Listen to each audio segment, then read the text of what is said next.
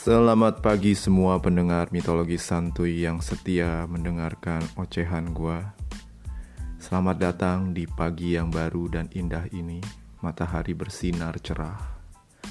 Suhu juga belum begitu panas, beda dengan kemarin ketika matahari tertutup oleh awan dan suasana agak kelam dan kelabu. Kenapa suara gue jadi kayak begini? Oke, okay. uh, selamat datang dan Kali ini gue akan bahas tentang salah satu dewa yang Dewi, Dewi, Dewi, Dewi. Salah satu dewi yang cukup terkenal di kalangan para masyarakat agraria di Yunani khususnya, yaitu Demeter.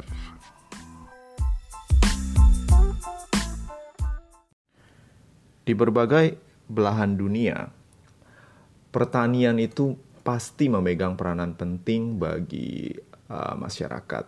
Jadi dari zaman mungkin dari zaman Neolitik atau dari zaman ketika manusia mulai berhenti berburu dan meramu dan kemudian menemukan cara untuk uh, mengembangkan pertanian.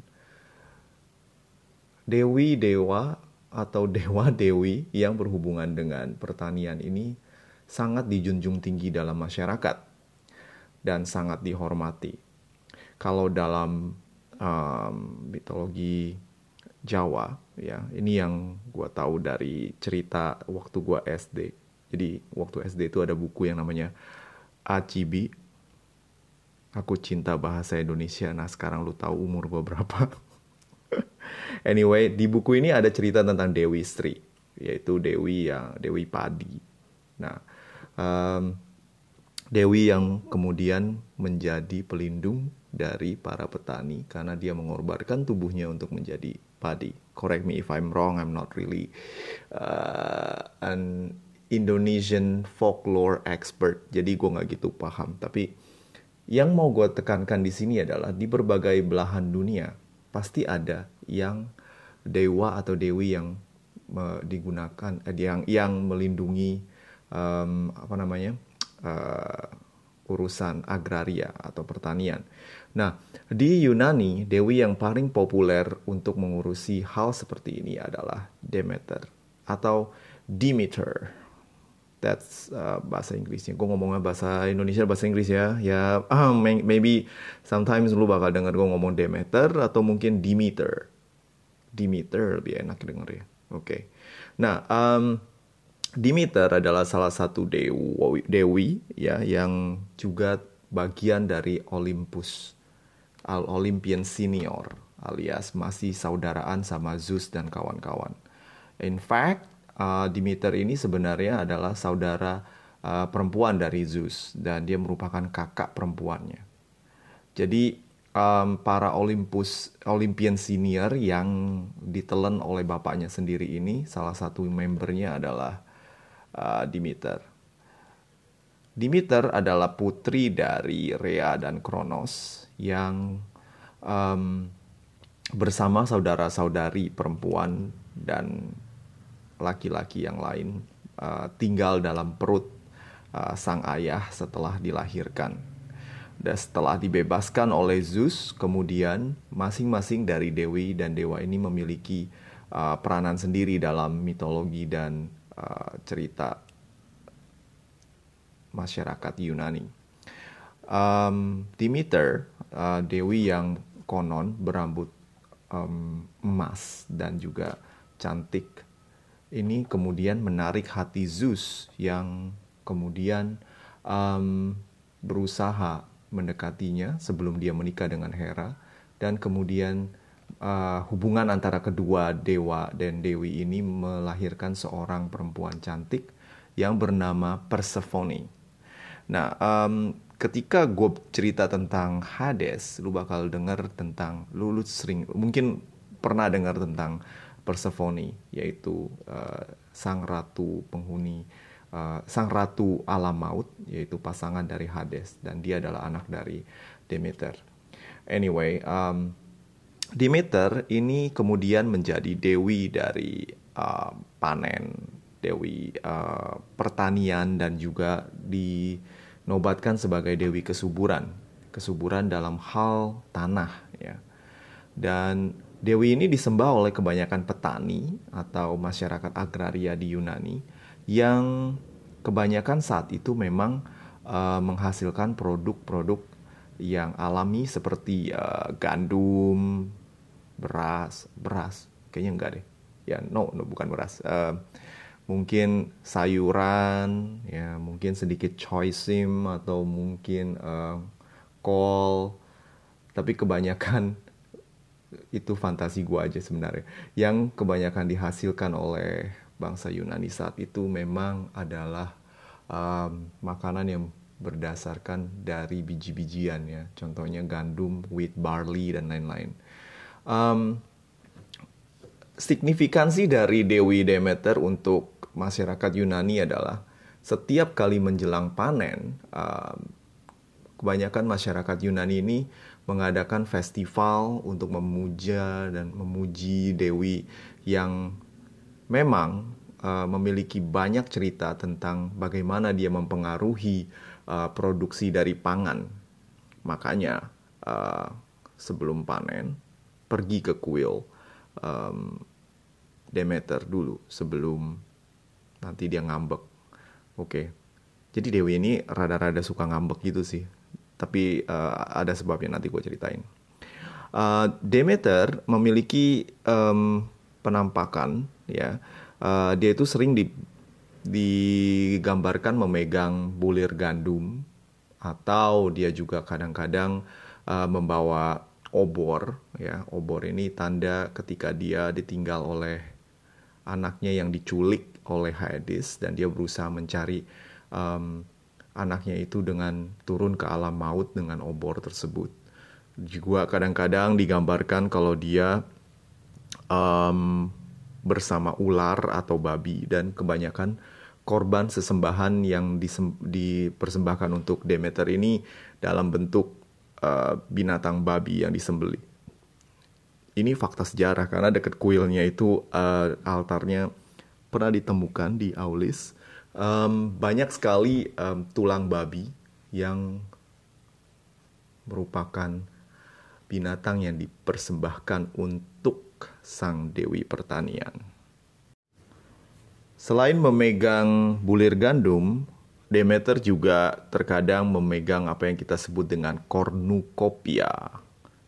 Apa itu cornucopia? Cornucopia um, dalam bahasa Inggris disebut horn of plenty. Ini semacam uh, tanduk yang konon bisa menghasilkan makanan apa saja. Jadi uh, intinya tuh kayak semacam uh, tanduk yang berkelimpahan lah. Pokoknya dia ada semacam, pokoknya lu minta makanan apa tuh tiba-tiba nongol di situ. Enak tuh kalau punya gituan. Kalau aku pergi jalan-jalan atau ke mana, gue tinggal minum pizza keluar. Atau mungkin kalau misalnya gue lagi pengen makan ketoprak lagi gue jalan lagi ada di tengah malam mau pengen makan ketoprak keluar. Ketoprak. Susah amat sih bro. Tuh tinggal keluar jalan juga ada ketoprak. Sorry guys. Um, dalam beberapa bulan ini memang gue lagi mengurangi intake banget karena gue gendut and gue mau ngurangi berat badan so gue kangen banget makan ketoprak Anyway, uh, let's mari balik lagi. Nah, um, Demeter, um, kisah cintanya dengan Zeus ini tidak banyak diceritakan dalam uh, mitologi Yunani. Cuma ada satu kutipan dari karya Homer, bukan Homer Simpson ya guys, Homerus, Homer uh, sang pujangga Yunani yang menulis kisah Iliad alias Perang Troya.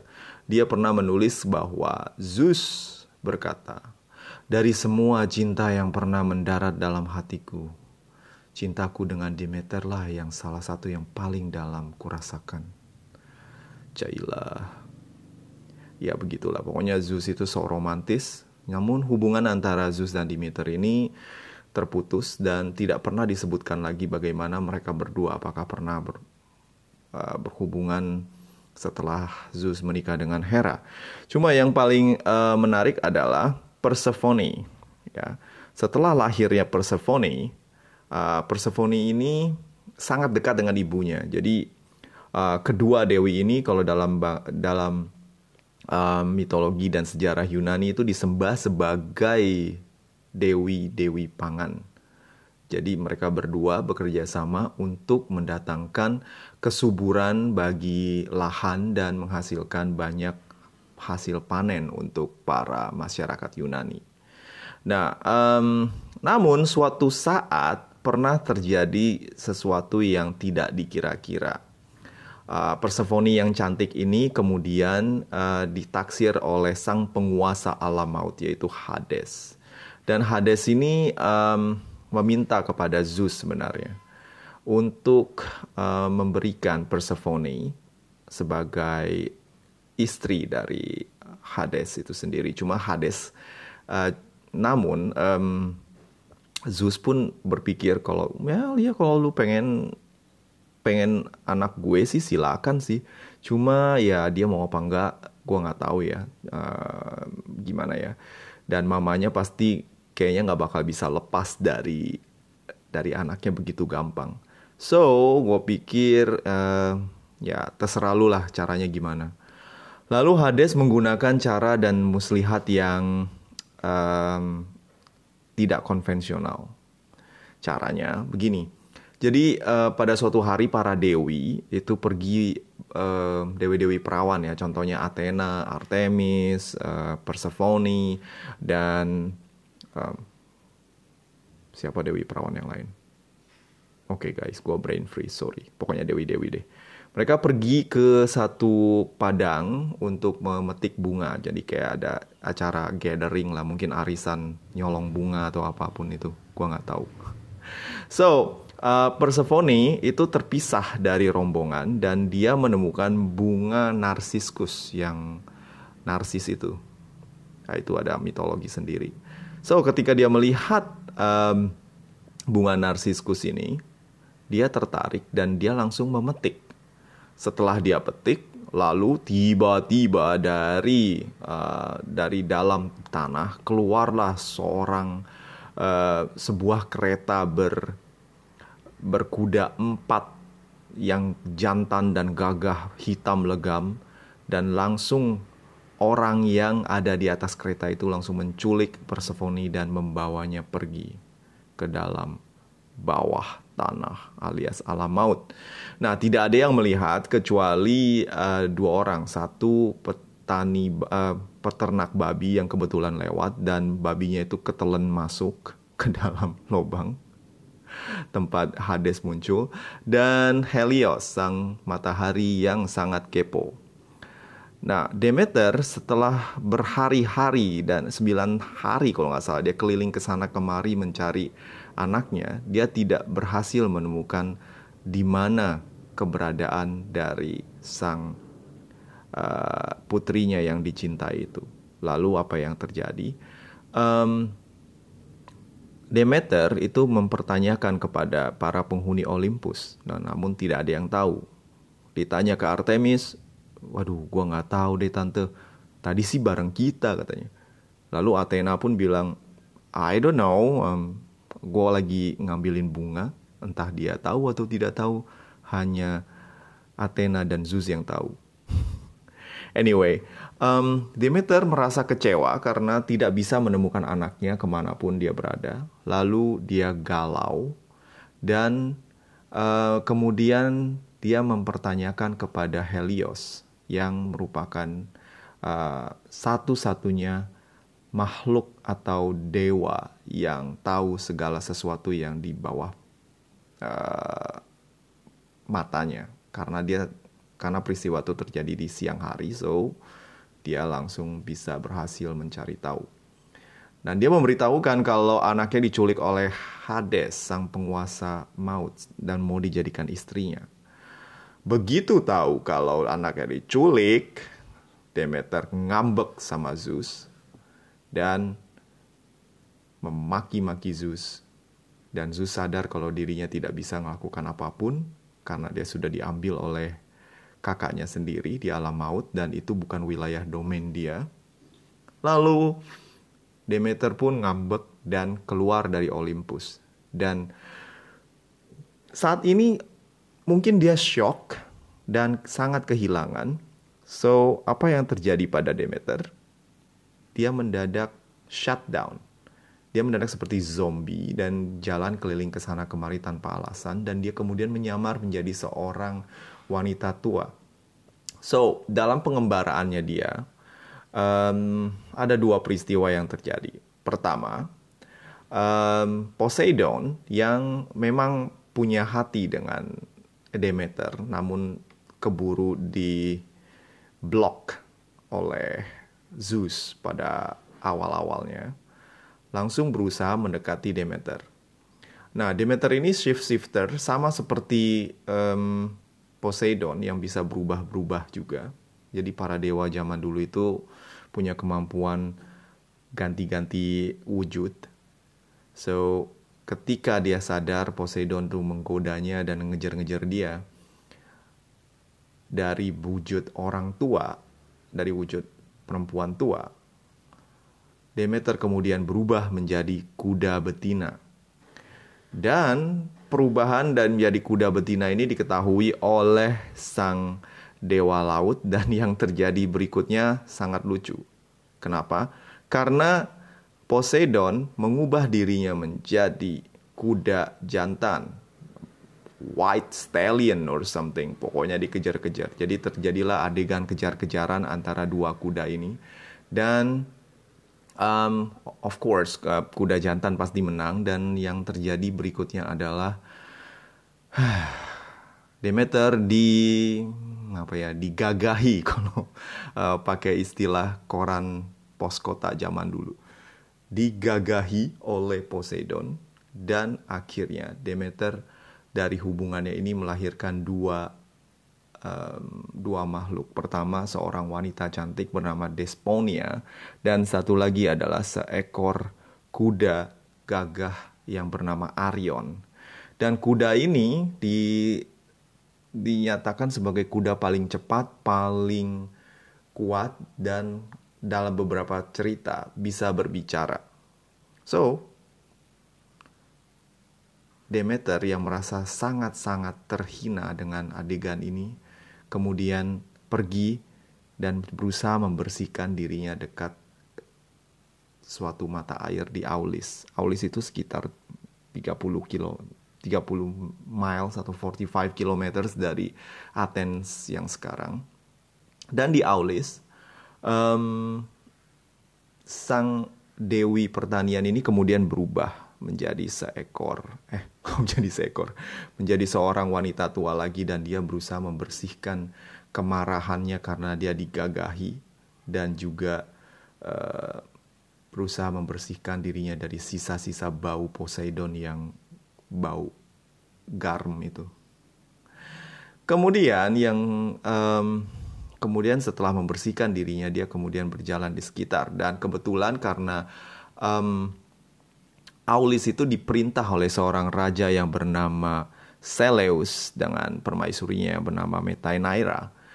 Mereka kemudian uh, tidak sengaja menemukan uh, perempuan tua yang kelihatannya sangat sedih dua pasangan raja dan ratu yang baik hati ini kemudian membawa perempuan tua ini ke istananya dan berusaha menghiburnya. Namun um, kemudian um, si perempuan tua ini tidak berhasil dihibur sampai seorang wanita yang menceritakan begitu banyak joke bernama Iambe Nah, Iambe ini kemudian berhasil membuatnya tertawa dengan memberikan sebuah minuman dari barley dan fermentasi sih. Mungkin early form of beer.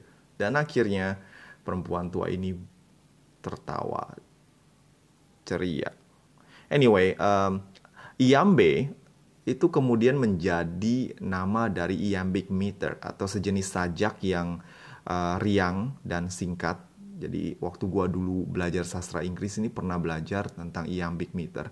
Cuma um, gua sekarang sih udah lupa dan gue baru tahu kalau misalnya iambe ini ternyata adalah uh, akar kata iam iambe ini merupakan sumber dari kata iambic meter.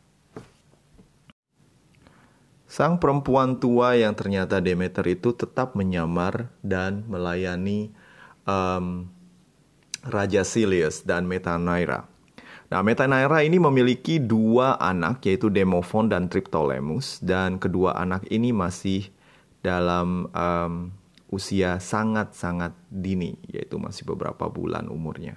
Dan um, Demeter mengambil nama Doso di dalam penyamarannya, dan lalu mereka ber, um, mereka yaitu Raja Seleus dan Metanoira ini mempercayakan kedua anaknya untuk dirawat oleh uh, Doso. Nah, Doso alias Demeter ini um, mungkin karena naluri keibuannya sangat menyayangi kedua anak ini. Kemudian um, anaknya yang paling besar yaitu Demophon itu disusui olehnya dan seketika itu juga anaknya menjadi anak yang uh, Demophon kemudian tumbuh dewasa karena um, air susu Dewi itu sangat uh, bergizi. Apaan sih, bro? Sorry guys, kalau kadang-kadang gue agak-agak uh, jayus. Anyway, uh, anak yang kedua memiliki per, uh, posisi yang sangat-sangat um, gimana ya, khusus bagi bagi Doso. Jadi Doso ini sangat sayang dengan anak keduanya yaitu Triptolemus dan Triptolemus ini berusaha dijadikan immortal oleh Demeter. Jadi um, Demeter itu menggunakan um, apa namanya ambrosia sejenis cairan nektar yang merupakan makanan para dewa dan konon kalau manusia normal makan itu akan bisa menjadi seorang dewa. Nah uh, karena Triptolemus ini masih bayi yang dilakukan adalah badannya tuh dibalur kayak pakai minyak kutus-kutus. Nah, setelah dibalur, anak ini kemudian harus dipanggang untuk menghilangkan sisa-sisa dari sifat manusiawinya dan berganti dengan tubuh dewata. Nah, setiap malam uh, Doso alias Demeter ini melakukan ritual untuk menjadikan Triptolemus seorang manusia menjadi seorang dewa agar dia hidup abadi buat nemenin Demeter kali. Namun pada suatu ketika Metanoira ini curiga dengan apa yang dilakukan oleh Doso pembantunya. So, uh, pada satu malam ketika Doso sedang memanggang sang anak, Metanoira itu kaget dan langsung berseru, "Tidak, apa yang kamu lakukan kepada anakku, Doso? Jangan dibakar, dia bukan cunyuk." Eh, sorry. Dia bukan babi panggang atau uh, sapi panggang. No, jangan jadikan dia barbecue. Seketika itu juga yang terjadi pada Triptolemus ini di pada Doso alias Demeter ini sangat mengagetkan karena emosi yang tidak stabil yang dilakukan oleh Demeter adalah dia melempar sang bayi ke tanah dan langsung menunjuk eh, Metanoira dan berteriak. Inilah kenapa orang-orang manusia ini tidak bisa mengerti rencana para dewa dan selalu mengganggu saja. Lihat, aku berusaha membuat anakmu menjadi manusia, menjadi dewa. Namun ini yang kau lakukan. Ah, gue ngambek, bodoh amat. Gue mau kabur. Lihat ya, gue gak bakal bikin lo orang pada happy. Gue gak bakal maafin, maafin lo orang. Kecuali kalau kalian bikin satu kuil buat gue. Di Aulis, gue mau kuil yang mewah. Pokoknya marble-nya harus bagus ya. Awas kalau enggak. Terkaget-kaget Metanoira karena Demeter tiba-tiba berubah menjadi gadis cantik yang ngambek dan marah-marah dan dia langsung berjalan pergi. Metanoira kemudian me menghubungi suaminya dan mengatakan apa yang terjadi. Dan karena takut akan kemarahan Demeter lebih lanjut, lalu mereka berdua menggunakan uh, asetnya untuk membangun satu kuil bagi Demeter di Aulis. Dan setelah kuil ini uh, selesai, Demeter tinggal di dalamnya. Emosinya itu makin um, membara karena dia tidak berhasil menemukan anaknya dan menemukan jalan untuk ke alam maut. Sehingga dia langsung mengurung diri dan apa yang terjadi sungguh fatal.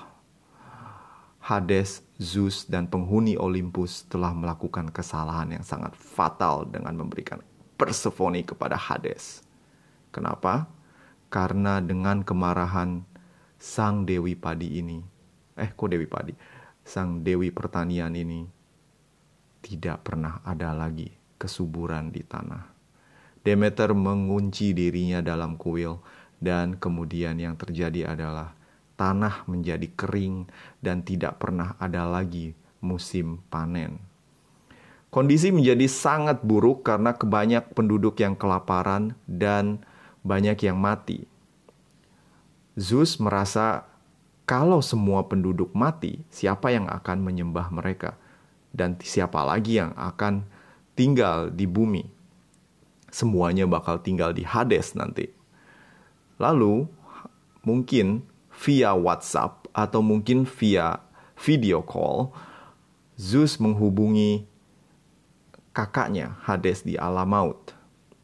Mungkin percakapan mereka adalah, Koh, gini lu koh. Oke lah, lu udah ngambil uh, Persephone, udah mau udah jadiin istri lu, terserah deh. Tapi masalahnya di bumi sekarang banyak yang mati, bro.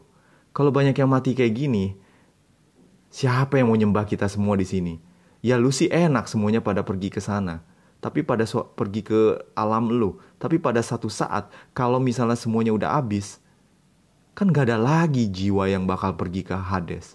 Udahlah, gini deh kita kompromi aja dah lu balikin dah tuh anak uh, uh, itu bini lu sebentar lah lu balikin aja ke ke mamanya biar mamanya tuh happy dan bisa ada pertanian lagi di muka bumi. Gimana gimana?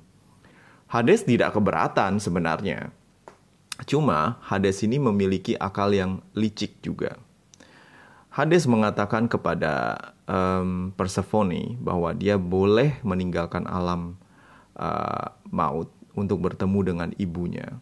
Namun, sebelum dia pergi, Hades memberikan satu bingkisan yaitu buah delima. Itu tahu buah delima dong? Itu yang bulat, merah dan kalau bisa di black di dalamnya itu banyak uh, biji-bijian. Nah, buah delima ini sebenarnya adalah simbol dari uh, organ pria alias uh, testis. Jadi uh, somehow um, cerita ini menceritakan tentang bagaimana Persephone memakan atau menanggung atau dihamili oleh Hades. Jadi, you know, get the point. Uh, delima dimakan oleh Persephone. Nah, Konon setelah memakan buah ini, Persephone tidak akan bisa meninggalkan alam maut selamanya. So, ketika Hermes datang membawa Demeter, yang terjadi adalah Persephone merasa tidak bisa meninggalkan Hades. Setelah perdebatan panjang, akhirnya dicapai kompromi. Persephone akan bersama ibunya selama 8 bulan di permukaan bumi dan sisanya empat bulan bersama Hades. Nah, jadi ketika mereka pergi, uh, ketika Demeter dan uh, Persephone bersama, datanglah musim semi yang mendatangkan kesuburan bagi tanah. Namun ketika dia uh, kembali ke alam maut, yang terjadi adalah musim dingin atau musim panas. Karena ketika gue pergi ke Turki pas lagi musim panas tuh panas banget sehingga tanah tidak menghasilkan. Uh, well, God knows. Namun yang terjadi adalah perubahan musim yang kemudian berpengaruh pada penghasilan dari uh, pertanian. Demikianlah cerita dari pergantian musim. So, ketika ya, to sum up jadi gini ketika Persephone bersama dengan mamanya musim panas dan juga musim semi. Ketika bersama dengan ibunya, eh sorry, bersama dengan suaminya, yang terjadi adalah musim dingin dan musim gugur. Begitulah riwayat dari pergantian musim. Waduh, panjang banget ceritanya. Anyway, um, yang pengen gue jelasin di sini adalah sebenarnya uh, dalam mitologi Yunani banyak cerita ini sebenarnya adalah suatu analogi dalam kehidupan.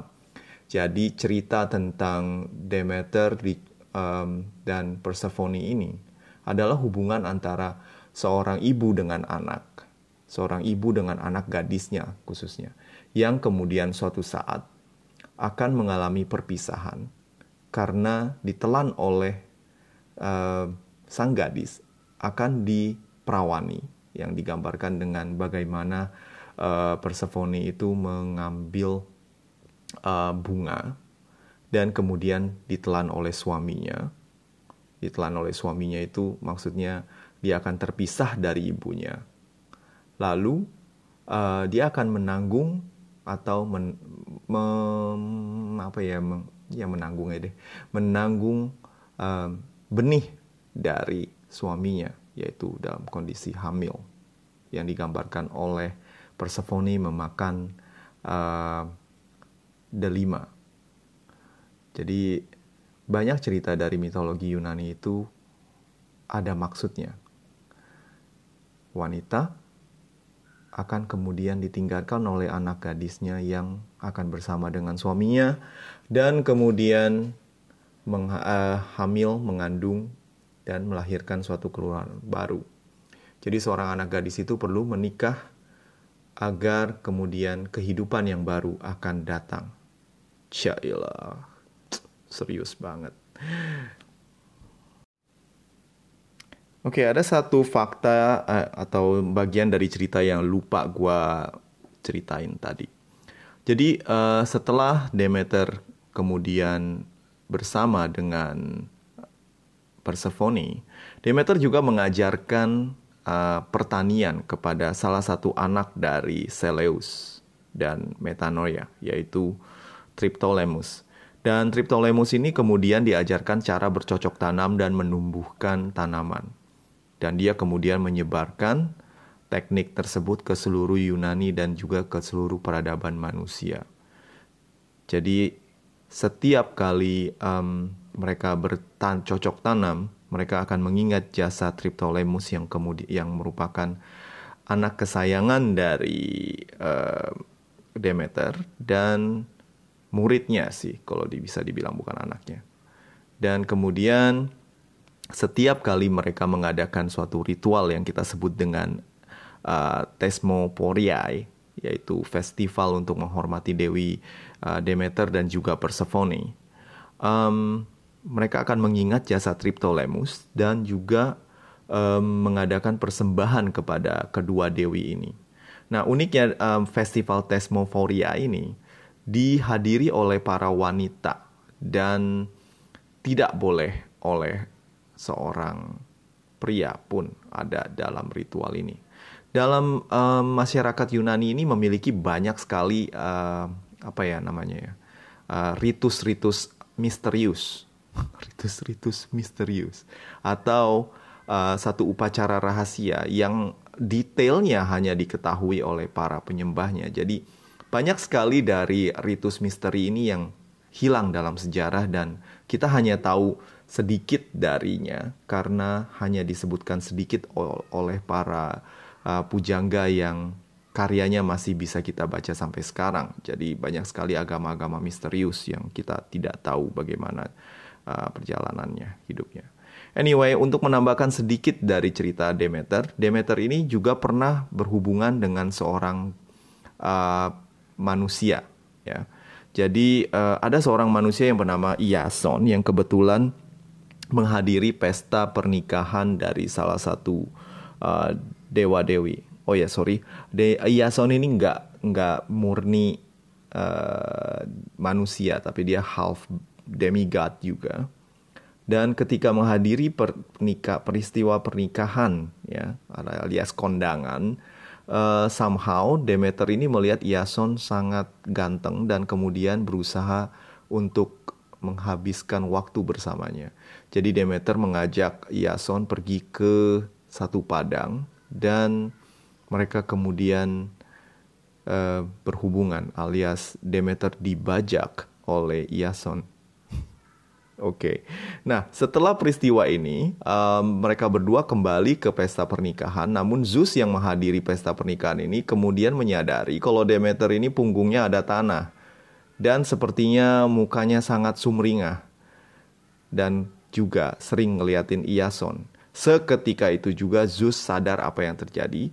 Ternyata cintanya yang dahulu sedang direbut orang Zeus dengan emosinya lalu melemparkan kilat yang bercahaya dan panas itu kepada Iason yang saat itu juga tewas. So jangan main-main sama Zeus yang cemburuan walaupun dia sudah tidak bersama lagi dengan Demeter.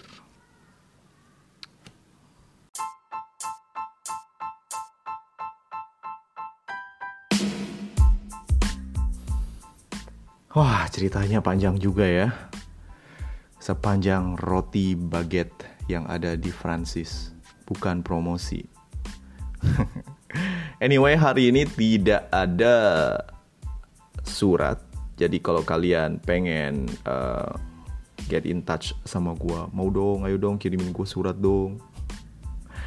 Lu bisa hubungi gue di Guru Kelana 007 at gmail.com atau lu bisa juga kirim pesan ke Instagram, YouTube channel, atau Facebook page gua yang semuanya judulnya Guru Kelana. So, sampai di sini dulu. See you again and don't worry. Segalanya akan menjadi lebih baik. Jangan lupa olahraga dan jauhi stres. Sampai jumpa di edisi selanjutnya. Ciao.